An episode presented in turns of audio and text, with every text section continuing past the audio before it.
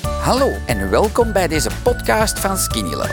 Ik ben Alain Indria en in deze rubriek hoor je de getuigenissen van andere Skinny Lovers die, net zoals mij, eindelijk een gezond gewicht bereikten dankzij Skinny Love. Alida, vertel eens, wat, wat zei je in Frans aan mij?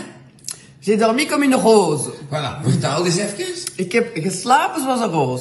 En, en, en hoe komt dat, schat? Ja, en hij heeft mij gisteravond, ik denk om 11 uur, een tas met drie schepjes ehm Skinny Love Relax. Zalig. Ik heb bang geslapen.